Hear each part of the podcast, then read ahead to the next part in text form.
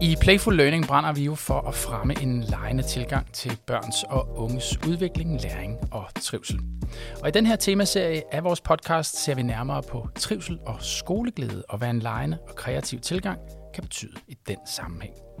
Andelen af børn og unge, der virkelig godt kan lide skolen, er faldende i perioden 2009-21. Flere oplever, at det er svært at koncentrere sig i timerne, ligesom flere har skiftet skole på grund af trivselsproblemer. Det viser en undersøgelse foretaget af VIVE i 2022.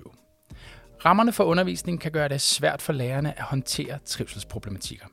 Den nationale trivselsmåling fra 2023 viser blandt andet, at mere end en fjerdedel af eleverne i landets klasselokaler ikke synes, at undervisningen giver dem lyst til at lære mere.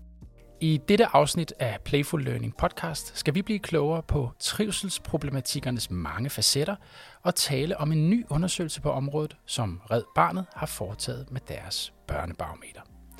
Børnebarometeret bringer børns og unges stemmer aktivt i spil i forhold til deres trivsel. Sammen med Johannes Schmidt Nielsen, som er generalsekretær for Red Barnet, skal vi nu se nærmere på, hvad børn og unge selv siger om deres trivsel i skolen. Velkommen, Johanne. Tak skal du have. Og tak, fordi du vil være gæst i vores podcast. Tak, fordi jeg måtte. Jeg har glædet mig ret meget til vores samtale øh, om jeres trivselsmåling, også øh, og høre mere om jeres viden og erfaringer med leg og kreativitet i undervisningen, og hvad det vil betyde for trivselen og fællesskabet i skoleklasserne. Jeg hedder jo Tobias Heiberg, og jeg er vært på den her podcast og programchef i Playful Learning. Lad os hoppe lige ud i det, hvis du er med på det. Det er hvad er egentlig formålet med børnebarometeret, og hvordan skruer man sådan en undersøgelse sammen? Hmm. I Red Barnet står vi jo på det fundament, der hedder børnekonventionen, FN's børnekonvention, og arbejder jo både ude i verden og herhjemme for at styrke børns rettigheder. Og en af de rettigheder, børn har, noget af det, der gennemsyrer børnekonventionen, det er jo, at børn har ret til at blive hørt, lyttet til, øh, deres holdninger, meninger og tanker har, øh, skal respekteres. Og det er sådan set formålet med børnebarometeret. Børnebarometeret er et dialogredskab, som er lavet til skolen, til øh, mellemtrinnet og til udskolingen. Et redskab til lærerne, øh, pædagogerne i forhold til at få skabt dialog med, øh, med, øh, med børnene. Øh, og, og som kan give øh, lærerne en ramme for at tale om noget af det, som måske kan være svært at tale med, med, øh, med børnene om. Så det vigtigste formål med børnebarometeret, det er at få elevernes stemme i spil.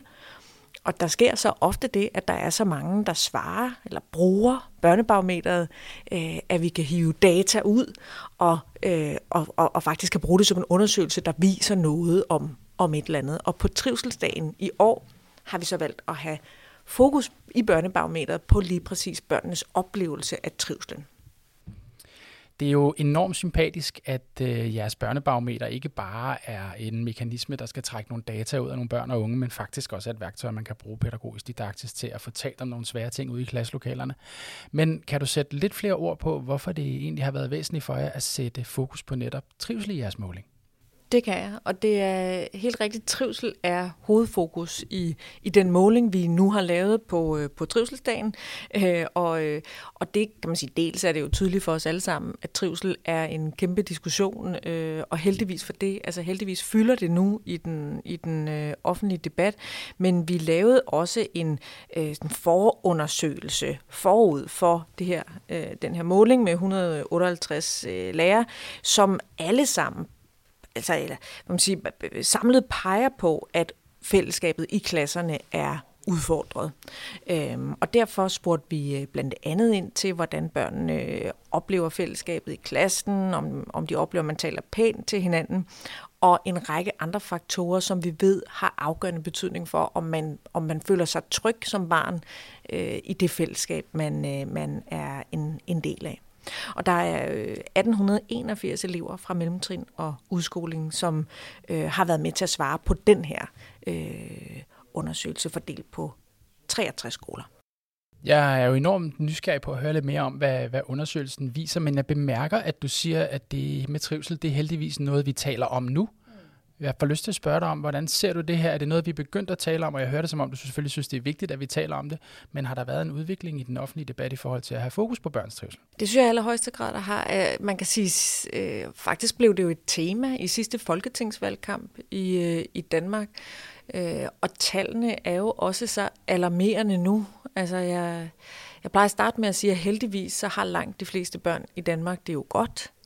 Og det er vigtigt at huske også, så vi ikke får skabt en eller anden forventning over for børnene, om at, at de nærmest forventes at mistrives. Men, men man må samtidig, øh, altså nærmest i samme åndedræt, sige, at der er en meget stor andel børn og unge, som mistrives i forskellig grad. Og, og vi skal selvfølgelig huske at være nuanceret i, i den debat. Jeg synes, at professor øh, Nomi Katz Nielsen er utrolig god til at pege på de nuancer. Der er selvfølgelig meget stor forskel på de øh, børn og unge, der øh, har psykiatriske diagnoser og har med det system at gøre. Et system, som i øvrigt i allerhøjeste grad skriger på øh, at blive styrket, blive forbedret og så på børn, der føler sig ensomme en gang imellem. Øh, der er også forskel på den mistrivsel, som skal håndteres i, i sundhedssystemet, og så, hvad kan man sige, den store brede vej, som lige præcis handler om at, øh, at skabe gode, trygge, inkluderende fællesskaber.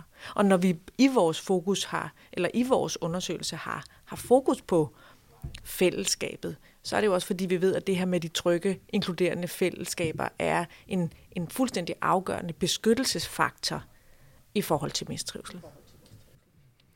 Nu sætter vi jo i den her podcast til et spot på trivselen. Og selvom øh, jeg er dansklærer, så har jeg for nylig lært et nyt ord, der hedder alarmisme, som Nomi netop har lært mig.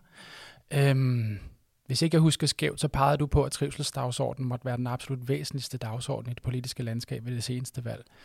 Hvordan er det, vi kan holde en balance i ikke at blive overbekymret på vores børns vegne, og så alligevel sørge for at tage det her sådan dybt alvorligt? Ja, det er jo en svær balance. Altså, og, og det er jo et eller andet med at huske at sige, at de fleste børn har det godt, men, men samtidig tage det alvorligt. Og, og, og først og fremmest synes jeg jo, at, at det afgørende her er ikke at kigge ind i det enkelte barn og prøve at finde svarene i det enkelte barn. Hvorfor er du så skrøbelig? Mm øh, men sige, hvad er det for nogle faktorer omkring børn og unges liv i Danmark, øh, der gør, at vi ser den her udvikling. Så hold øje med relationerne, fællesskaberne, de sociale rammer, i stedet for at se på barnet alene som den, der har det svært eller mistrives. Ja, vi finder ikke svar. Når, når vi ser en udvikling som den, vi gør nu, så finder vi ikke svaret ved at kigge ind i det enkelte barn. Og tværtimod kan man sige, at vi har det, det er i sig selv et problem, men der er så mange børn og unge, der kigger ind og tænker, hvad er der galt med mig? Vi skal have fokus på rammerne omkring børnelivet. Så lad os se på, hvad jeres øh, undersøgelse viser. Hvad viser jeres øh, undersøgelse med børnebarometeret omkring børns og unges trivsel? Måske skal jeg lige tilføje først en anden grund til, at det er så vigtigt nu at kigge på trivsel, og en anden grund til, at vi har spurgt ind til fællesskaberne i den her undersøgelse, er, at klassefællesskaberne jo virkelig blev rystet under corona. Og det er noget af det, lærerne i vores forundersøgelse også peger på, at man måske ikke helt er kommet på plads endnu, eller i hvert fald at den der øh, rystning, øh, eller hvad man skal kalde det, som, som coronanedlukningerne gav, stadigvæk øh, har konsekvenser. Der er også noget omkring det digitale, det er, at vi har så stor en del af vores øh, sociale liv på det digitale. Jamen, måske påvirker det vores, vores sprog, så bare for at sige, der er også en corona-link til det her. Men når du spørger, hvad undersøgelsen øh, viser, så vil jeg pege på tre sådan overordnede øh, pointer, fire måske. Øh, for det første, at mange elever efterspørger mere fokus på trivsel. At det er omkring en tredjedel af, af de, de øh, børn, vi spørger, som siger, at de kunne godt tænke sig, øh, eller de, de oplever ikke, at der bliver talt nok om, øh, om trivsel. Det synes jeg jo både viser behovet for, for et dialogværktøj som børnebarometeret, men det er jo også en tydelig besked til alle vores dygtige fagpersoner i skolen om, at her er sådan nogle vigtige samtaler, der skal, der skal tages. For det andet, og det synes jeg er bekymrende, at øh, en relativt stor andel svarer, at det ikke er alle i klassen, der er med i fællesskabet. Det er omkring 31 procent af børnene, der svarer, at de ikke oplever, at alle er en del af fællesskabet, og det er faktisk 24 procent, der svarer, at de ikke ved, om alle er en del af, af fællesskabet. Og det øh, må man sige, det, det, det synes vi er bekymrende. Og det er bekymrende af flere årsager. Det, det er både bekymrende i forhold til det enkelte barn, som som står udenfor, altså hvor, hvor man identificerer i klassen, her er en, der ikke er med i fællesskabet, men, men, men det går ikke alene ud over det barn, der ikke er med. Vi ved også, at det der med, at hvis der er nogen, der ikke er med, så påvirker det trivselen i hele gruppen. Øh, altså hvis man, det kunne jo så blive mig næste gang. Så når så stor en del af børnene svarer, svarer det, så må man sige, så er der noget at, at tage fat i. Og, og en god øh, øh, nyhed er så, at de selv peger på, at de synes, de er gode til at støtte hinanden, og de er gode til at, øh, at, at hjælpe hinanden. Det er faktisk 71 procent af børnene, der svarer, at de altid eller for det meste støtter deres øh, kammerater. Det er så faldende op igennem skolegangen. Og det er jo også noget af det, der er interessant her. At vi ser i, i den her øh, måling større udfordringer i udskolingen end på mellemtrinnet. Og det er der jo nok flere årsager til. Altså noget handler selvfølgelig om, at øh, børnene gradvist øh, altså, fjerner fokus fra de voksne og har mere fokus øh, ind i børnefællesskabet. Det oplever vi jo også som, som forældre. Men et andet, et andet årsag kan jo også være, at, at der er så meget, man skal nå som lærer i, i udskoling. Der er et relativt stramt pensum, at det er måske svært at finde tiden til at arbejde med trivselen og med at skabe de trygge, inkluderende fællesskaber.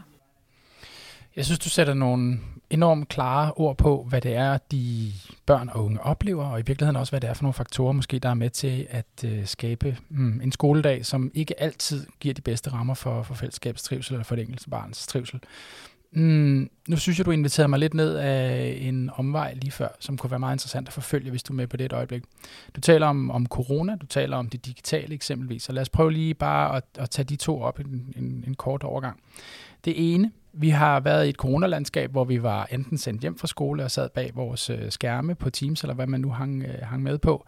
Og da vi stille og roligt åbnede op, der var det mindre børnegrupper, pædagoger måske, der dækkede ind sammen med lærere osv. Vi så nogle andre strukturer og rammer omkring øh, det at gå i skole. Det du siger omkring jeres børnebarometer er, at i forundersøgelsen, der siger lærerne blandt andet, at vi ligesom ikke er kommet helt tilbage nu fra corona. Jeg kan også vende den om at sige, har vi lært nok af corona, hvis du forstår, hvad jeg mener rent pædagogisk didaktisk, hvis vi er enige om, at rammerne i virkeligheden måske er med til indimellem ikke at give de bedste betingelser for børns trivsel. Var der noget, vi har misset i den periode, hvor vi fik det benspænd? Ja, jeg tror, der er alt muligt, vi missede. I hvert fald kan man sige, at der er noget, der tyder på, at vi ikke er kommet helt på plads øh, endnu. Øh, jeg sagde før, at jeg ville pege på fire ting. Jeg, jeg tror kun, jeg pegede på to. Øh, en, et andet fund i den her undersøgelse er, at børnene selv peger øh, øh, på hårdt sprog og det er jo svært at konkludere entydigt, øh, at det har noget at gøre med, at, at, at så stor en del af deres sociale interaktion blev øh, altså lå i den, i den digitale verden under corona. Øh, men, men ikke desto mindre, så er der jo en tendens til, at vi taler hårdere til hinanden. Vi har ikke helt fået empatien med, øh, når vi ikke sidder ansigt til ansigt, og det kan smitte af på, på den måde, vi taler med hinanden øh, og er med hinanden, også i det fysiske fællesskab. Og det er jo vigtigt at sige, at børnene jo ikke skældner mellem det digitale og den fysiske fællesskab eller, eller virkelighed. Og det gør vi vel heller ikke efterhånden som voksne mere. Altså det, som nogen skriver til mig i en e-mail eller på Messenger, oplever jeg jo som lige så virkeligt, som hvis de siger det til mig øh, øh, øh, på gaden. Men der er et eller andet med nogle sociale muskler, som ikke er helt genoptrænet. Der er også et eller andet med, med, med en digital dannelse, og det kan selvfølgelig godt blive sådan et uh, bullshit-ord, men, men, men, men det kan man jo gå dybere ind i, men, men som ikke er, er på, på øh, plads endnu. Og i forlængelse af det vil jeg sige, at undersøgelsen også viser, at det faktisk er 30 procent af udskolingseleverne, som hellere vil være på deres telefon i frikvarteret, end snakke med deres venner det bliver vi nødt til bare at opholde os ved. Du har nemlig fuldstændig ret i, hvis vi forfølger det der digitale dannelsespor, så kan det blive en lang podcast, men så alligevel, fordi vi er inde på det. Det er jo måske den mest betydningsfulde faktor, hvis man prøver at se det lidt for oven, den her måde, som børn er til stede i de fællesskaber på, rent digitalt i forhold til, hvis man ser for bare 10, 15, måske endda 20 år siden, og så den progression, der er i børns mistrivsel. Hvad, hvad, hvad betyder den her digitale faktor, hvis man kan sige det på den måde? Eventuelt mangel på digital dannelse, men måske også mangel på, på voksen tilstedeværelse, rent pædagogisk didaktisk, når det kommer til, til de her sociale fællesskaber, som børn færdes i. Er det en faktor, vi skal holde øje med i forhold til børns trivsel og mistrivsel? Altså det korte svar er jo ja. Vi driver i Red Barnet det, der hedder sletterådgivningen. Og det er faktisk vigtigt, at alle fagpersoner også ved, at der findes det er en rådgivning med øh, psykologer, socialrådgivere, øh, tidligere special efterforskere, hvor man kan øh, henvende sig, hvis man har været udsat for noget ubehageligt på nettet. Og det er alt fra børn, der, øh, altså rådgivning er for børn, unge, fagpersoner og forældre, og det er alt fra børn, der øh, oplever, at når de kommer ind i klassen, så bliver der spillet en eller anden YouTube-film, som blev optaget med dem, da de var syv, og nu er de 13, og de kan ikke få den slettet. Hvad skal de gøre?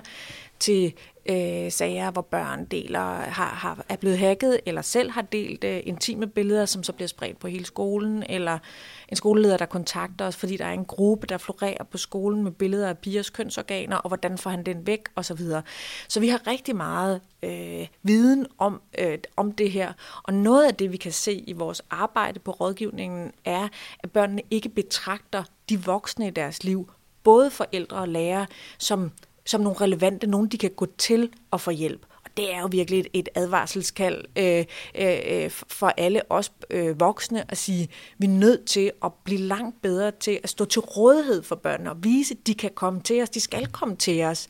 Øh, jeg har nogle gange sammenlignet det der øh, digitale børneliv med Tove Ditlevsens beskrivelser af de gamle baggårde på Vesterbro, hvor man havde den fuldstændig uforstyrret børneliv. Men der var dog en mor, der kiggede ud af køkkenvinduet og lige kiggede ned, og hvad sker der?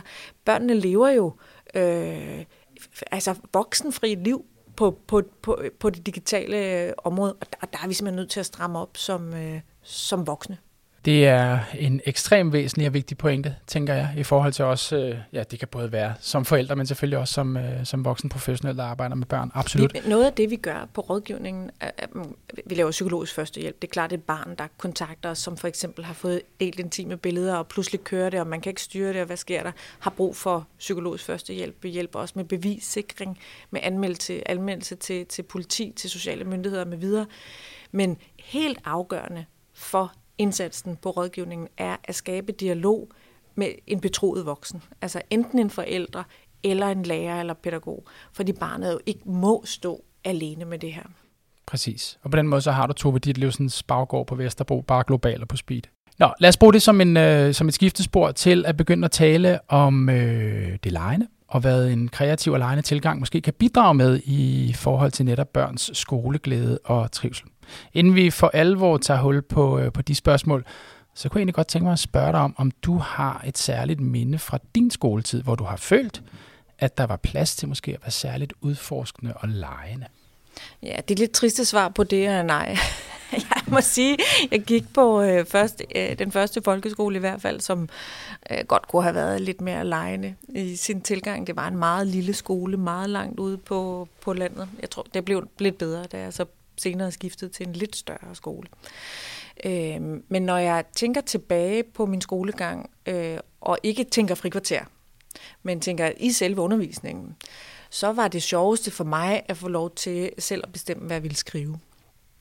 Altså at få lov til at skrive historier, øh, eventyr, øh, stile, hvor det var mig, der bestemte, hvad de, hvad de handlede om. Øh, så man kan sige, de har jo, det, har jo, det minde har jo nogle af elementerne fra den lejende tilgang. Altså det der med, at en leg er kendetegnet ved, at man, at man er med, altså man har medbestemmelse. Øh, man sidder ikke bare for noget at vide, man skal. Øh, og, og, og, og, og for mig var det sjoveste ved at gå i skole, det var selv at måtte bestemme, hvad jeg fandt på i mine historier. Nu siger du sjovt, og jeg tænker på, om, øh, om det sjove bare er en følelse af, at man har det sjovt, men, men jeg tænker også på, at det lyder som om, at det betød noget for, for faktisk din skoleglæde, eller din lyst til at fordybe dig i det her tilfælde, så sandsynligvis i dansk fag måske. Mm. Hvad, hvad, kan du sætte nogle flere ord på det, som måske, forstår mig ret, ikke kun er sjov, men som faktisk også bærer noget motivation med sig og noget, noget læringsdybde? Jamen det, det handler jo om at blive taget alvorligt i virkeligheden. Altså at det at få at vide som barn, øh, det er så relevant, det du selv kan finde på, at det må du gerne bruge tid på i din skolegang. Jeg vil gerne høre, hvad du har at fortælle i den her historie. Øh, Øh, så, altså nu indledte jeg med at tale om børnekonventionen. Det er jo virkelig en helt grundlæggende for sådan en rettighedsbaseret tilgang til børn, at, at lytte, altså at tage børn alvorligt. Øh, så man kan sige, at mit skoleminde her, mit positive skoleminde, det er der desværre ikke så mange af. Men mit positive skoleminde her er øh, at opleve at, at blive taget nok alvorligt til, at jeg selv måtte finde på min historie, og der var nogen, der gad at læse dem. Så lyder det også som om, at øh, den undervisning, du trods alt oplevede der, måske ikke på den første lille skole ude på Bøgelandet, men så, øh, så senere, mm, netop som du peger på, trækker på nogle af de kendetegn eller kvaliteter, vi også kan se i, i lejen, og at den lejende tilgang bliver noget, der sådan skaber fordybelse hos dig, kreativitet og netop den medbestemmelse, du peger på. Nu var der måske en selvstændig pointe i, at du ikke havde oplevet det til overflod i din egen skoletid, men hvordan ser det ud i dag, hvis vi spoler frem til 2023? Hvor meget plads er der til en lejende tilgang, altså den fordybelse, fejlmodighed, kreativitet og medbestemmelse, som du peger på? Hvordan ser det ud i dag? Og det er der jo selvfølgelig mm, hundredvis af forskellige svar på, fordi verden jo heldigvis er, nuanceret, og det er, hvad skal man sige, skolevirkeligheden i Danmark jo også. Og der findes jo fagpersoner, lærere og pædagoger, som er hamrende dygtige til det her, og virkelig finder veje til det, også selvom rammerne måske ikke understøtter den lejende tilgang i den grad, man kunne ønske sig, at rammerne understøttede øh, tilgangen. Så man kan sige, at det korte svar på spørgsmålet er jo, at man kunne ønske sig fra et børneperspektiv og fra et trivselsperspektiv, at der var mere plads til den lejende øh, tilgang af flere årsager. Øh, Øh, vi ved jo noget af det, som har betydning for, om børn har det godt i, øh, i skolen, øh, om de trives, det, det, hører, det, det handler om, at, altså, hø, føler de at høre til, altså er de en del af et trygt fællesskab, øh, oplever de selvbestemmelse, altså eller medbestemmelse, har de indflydelse på deres hverdag, øh, og føler de sig kompetente? Oplever de at have succes med noget. Og den lejende tilgang kan jo understøtte de her tre faktorer, som vi ved er så afgørende for børnenes skoleglæde. Og den skoleglæde kunne vi godt tænke os lidt mere af. Jamen så lad os prøve at stille helt skarpt på det. Hvad ville det egentlig betyde for børns og unges trivsel, hvis nu vi gav bedre plads til en lejende tilgang, gav plads til nogle af de elementer, du taler om? er måske det, man kunne kalde et ledende spørgsmål. Det må man sige men, allerhøjeste øh. Men, men, men, men lad os prøve men, at fange nogle af nuancerne alligevel, ja, hvis vi men kan. Der er, men, men der er øh, øh, øh, ingen tvivl om, at det kunne øge skoleglæden øh, få flere børn til at trives, hvis vi gav mere plads til en lejende tilgang. Og det mener jeg også, at vi øh, hvad skal man sige, har, har, har, har, far, altså har viden til at kunne, øh, kunne øh, understøtte. Altså det her med, at flere børn oplever at få succesoplevelser, at være en del af, af, af, af fællesskabet og have indflydelse på deres skolegang betyder noget. Og det, det kræver jo så, at rammerne er i orden. Altså det, det, det, det må man sige, der er det der med at få lov til at være to voksne i klasserummet betydningsfuldt. Det kunne vi godt tænke os mere af.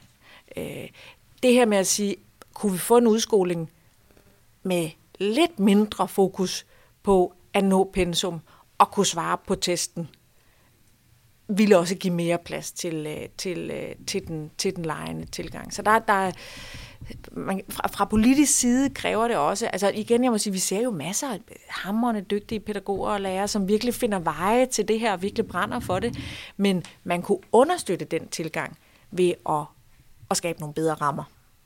Nu pegede du på lige før, øh, ganske begavet, at det var et meget ledende spørgsmål, og måske også en lidt lineær tankegang i forhold til at sige, at øh, en lejende tilgang måske kan, kan forbedre, forbedre børns og unges trivsel. Så svarer du alligevel ganske glimrende, at det er der faktisk en, en vis sandsynlighed for. Men lad os lige prøve at lege djævelens advokat et øjeblik.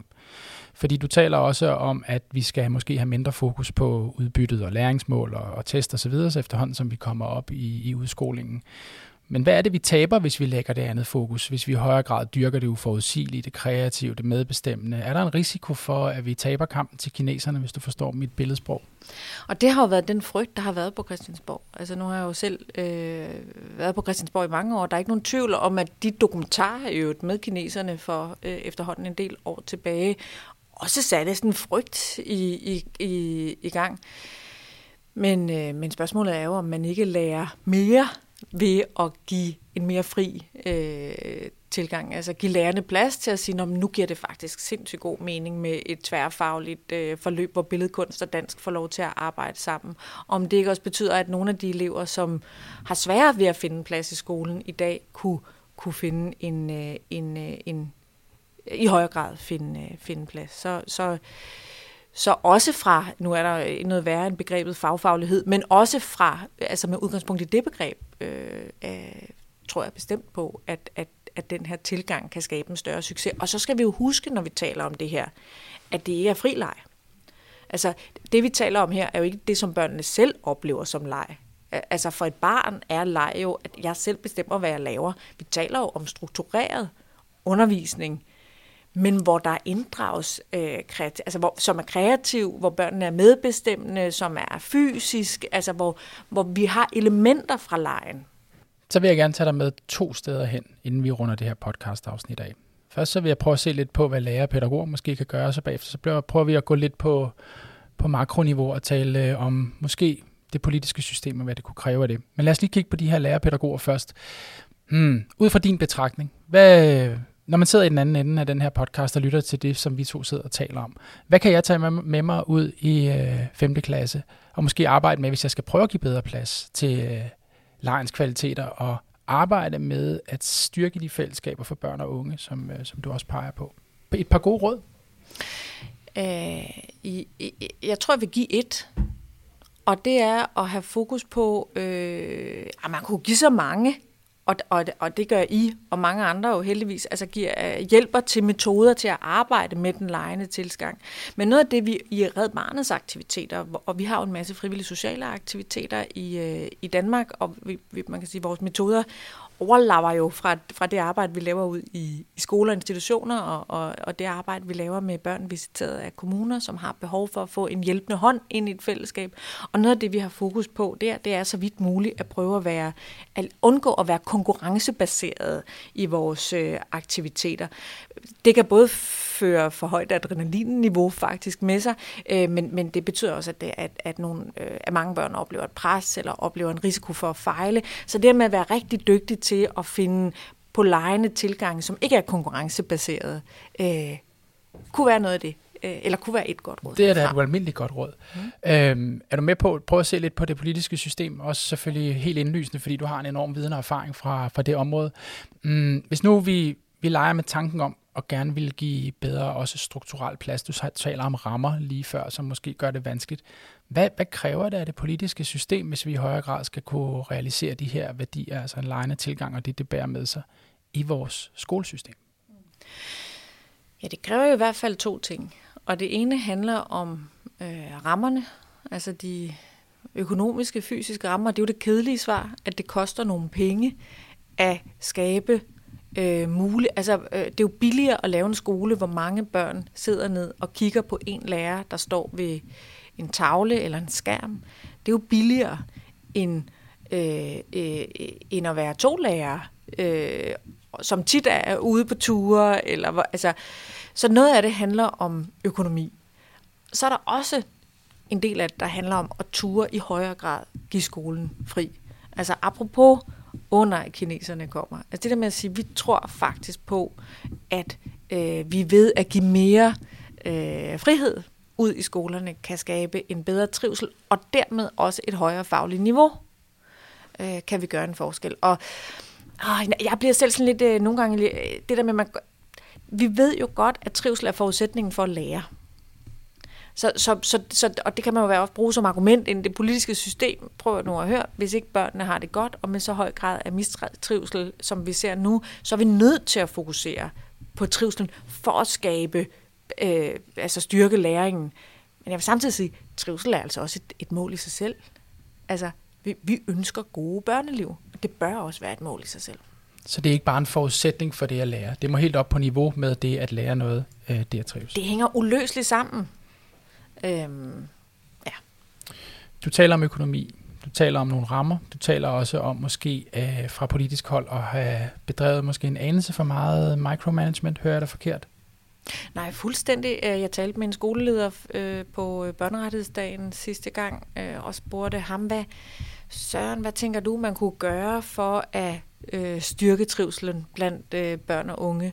Og, øh, og hans entydige svar var, jeg skal have mere plads til at stoppe op og arbejde med trivslen, når der er noget, der opstår. I stedet for, at mine lærere tænker, åh oh, nej, jeg kan ikke nå pensum, jeg kan ikke nå pensum. Altså, jeg, jeg besøgte for et års tid siden, eller øh, lidt længere tid, en flygtningelejr på grænsen til øh, Syrien, øh, hvor vi øh, øh arbejder i øh, fodboldklubber for flygtningebørn i, fra Syrien i flygtningelejrene, og alle de lokale trænere er trænet i, når konflikten opstår blandt børnene, og det gør den blandt de her børn rigtigt. Altså det gør den jo på alle fodboldbaner, men det gør den ikke mindst blandt børn, som har været tvunget på flugt, og som lever i så usikker og skrøbelig og farlig en situation, som man gør i en flygtningelejr. De, har, altså, de er kendetegnet ved meget korte lunder, så der er mange konflikter.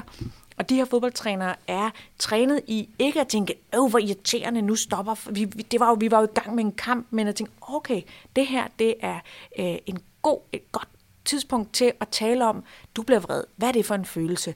Hvad gør man, når man får sådan en følelse? Altså, og, og hvad bruger jeg det som billede på at sige, det der med ikke at blive irriteret, åh oh, nej, nu var der en konflikt, vi kan ikke nå pensum, vi kan jo ikke komme videre med kampen, men at tænke, jeg har tid til at stoppe op og arbejde med det her.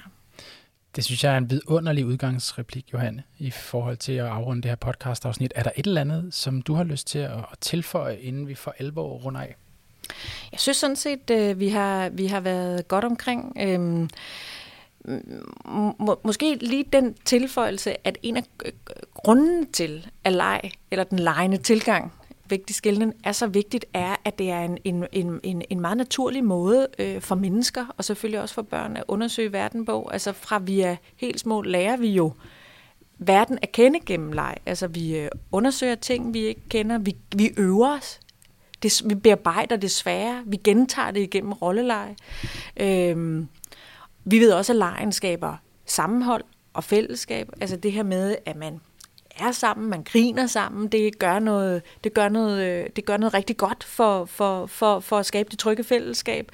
Øh, og, øh, og så ved vi også for det tredje, at lejen øh, kan skabe motivation, øh, fordi man som med eksemplet omkring, hvad kan vi sige, den, den lidt lejende tilgang til den danske stil, får lov til selv at være med til at bestemme jeg troede lige, at den udgangsblik, du havde før, var, var den absolut bedste, og så vælger du lige at toppe den. Jeg kunne ikke have sagt det bedre selv.